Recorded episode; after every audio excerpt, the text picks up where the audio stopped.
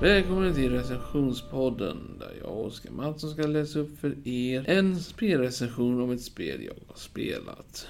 Veckans spel är Borderlands 1 Game of the Year Edition Enhanced.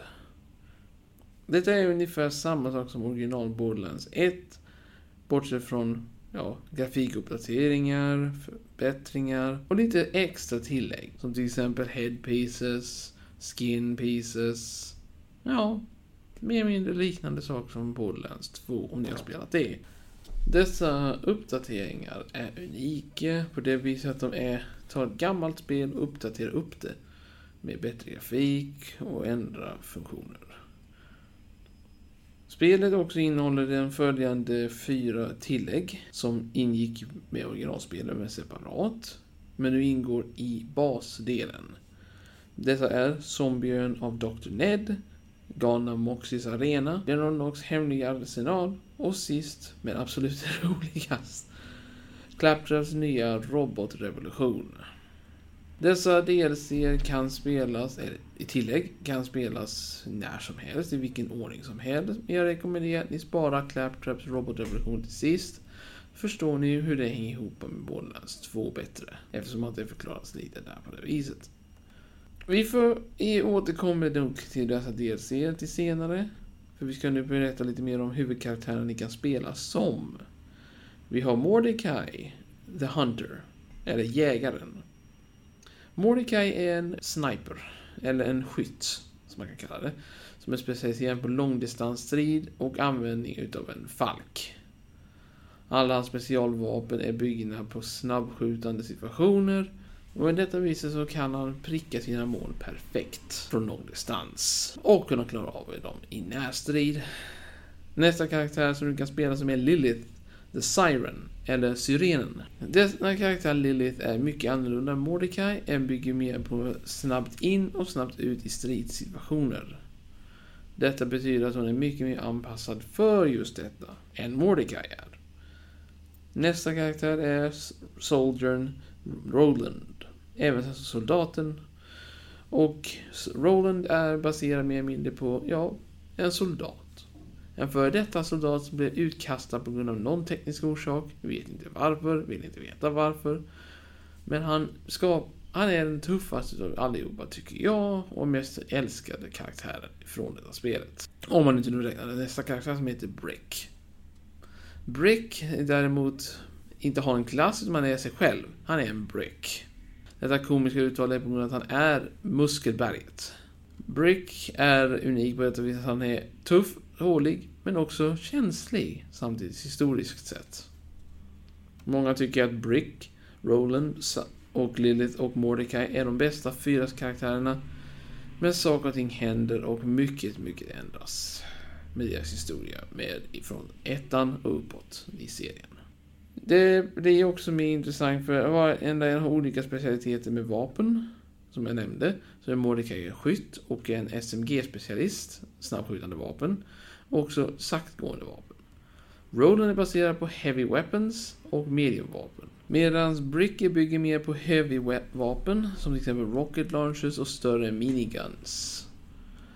Senare har vi Lilith som bygger på små mindre vapen men inte Ja, bygger mer på pistol och snabbskjutande SMG. På detta viset har vi en otrolig blandning mellan alla karaktärer och jag rekommenderar att om ni ska spela med kompisar, se till att ha en av varje karaktär så kommer ni allihopa ha chans att kunna spela perfekt med denna karaktär genom storyn.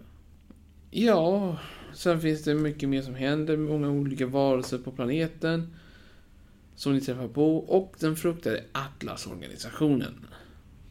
Ni kanske undrar vem Atlas är. Det är ett vapenbolag som finns och säger att de äger planeten Pandora. Planeten som hela alltihopa spelas ut på. Och eh, mer därtill händer eftersom att eh, Atlas tänker försöka hitta ett valv. Och ni kanske undrar vad ett valv är? Jo, det är efterlämningar utav en annan organisation eller livsvarelse för eh, Imperium som försvann. Detta mystiska valv sägs innehålla rikedomar, makt, kontroll och mera till vapen. Som kan göra en till otroliga mängder underbart eller fasansfullt kontrollsystem. Valvet i detta fallet är ett av de mest eftersökta i denna sektorn av universum på Pandora. Och eh, anses som, ja, vad det är som Atlas är här för att hitta. Men någonting går helt snett. Det visar sig att valvet är inget valv, utan det är Ja, det får ni ta reda på själva. Det tänker jag inte avslöja. Haha, lurade er nästan där va? Skulle försöka klara hela storyn. Glöm det. Men eh, uppdraget på spelet fortsätter med att du och dina allierade, eller du själv, är tvungen att gå runt, samla pengar genom att sälja vapen, döda fiender, bossar och liknande för att uppnå din nivå. Spelet är otroligt underbart. Ni kanske undrar vem Claptrap är nu när vi tänker på det egentligen. Claptrap är en liten serv serveringsrobot. Eller serverrobot.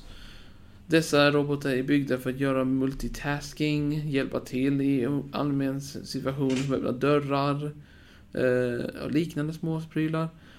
Men dock så är Claptrap den eh, största utav alla robotarna i Claptrap-serien den mest irriterande.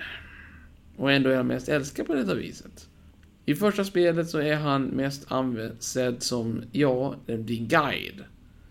Men sen så upptäcker vi i slutet av huvudstoryn att det är något fel med Claptrap. Huvudstoryn slutar med antiklimax där man upptäcker att det är något fel på Claptrap. Sen får du ta reda på det själva i expansionen, eller snarare DLCn, som heter Claptraps Revolution. Under tiden kan vi nu förklara lite mer om de andra delscenerna lite. Som till exempel Dr. Ned som är en bror till Dr. Zed som är en läkare som du träffar i början. Men mer tänker jag inte avslöja, men det är något mysko som händer på Dr. Neds ö. Galna Moxie vill att du ska göra en stridsarena. Där du ska överleva rond efter rond efter rond av fiender tills du når den sista ronden.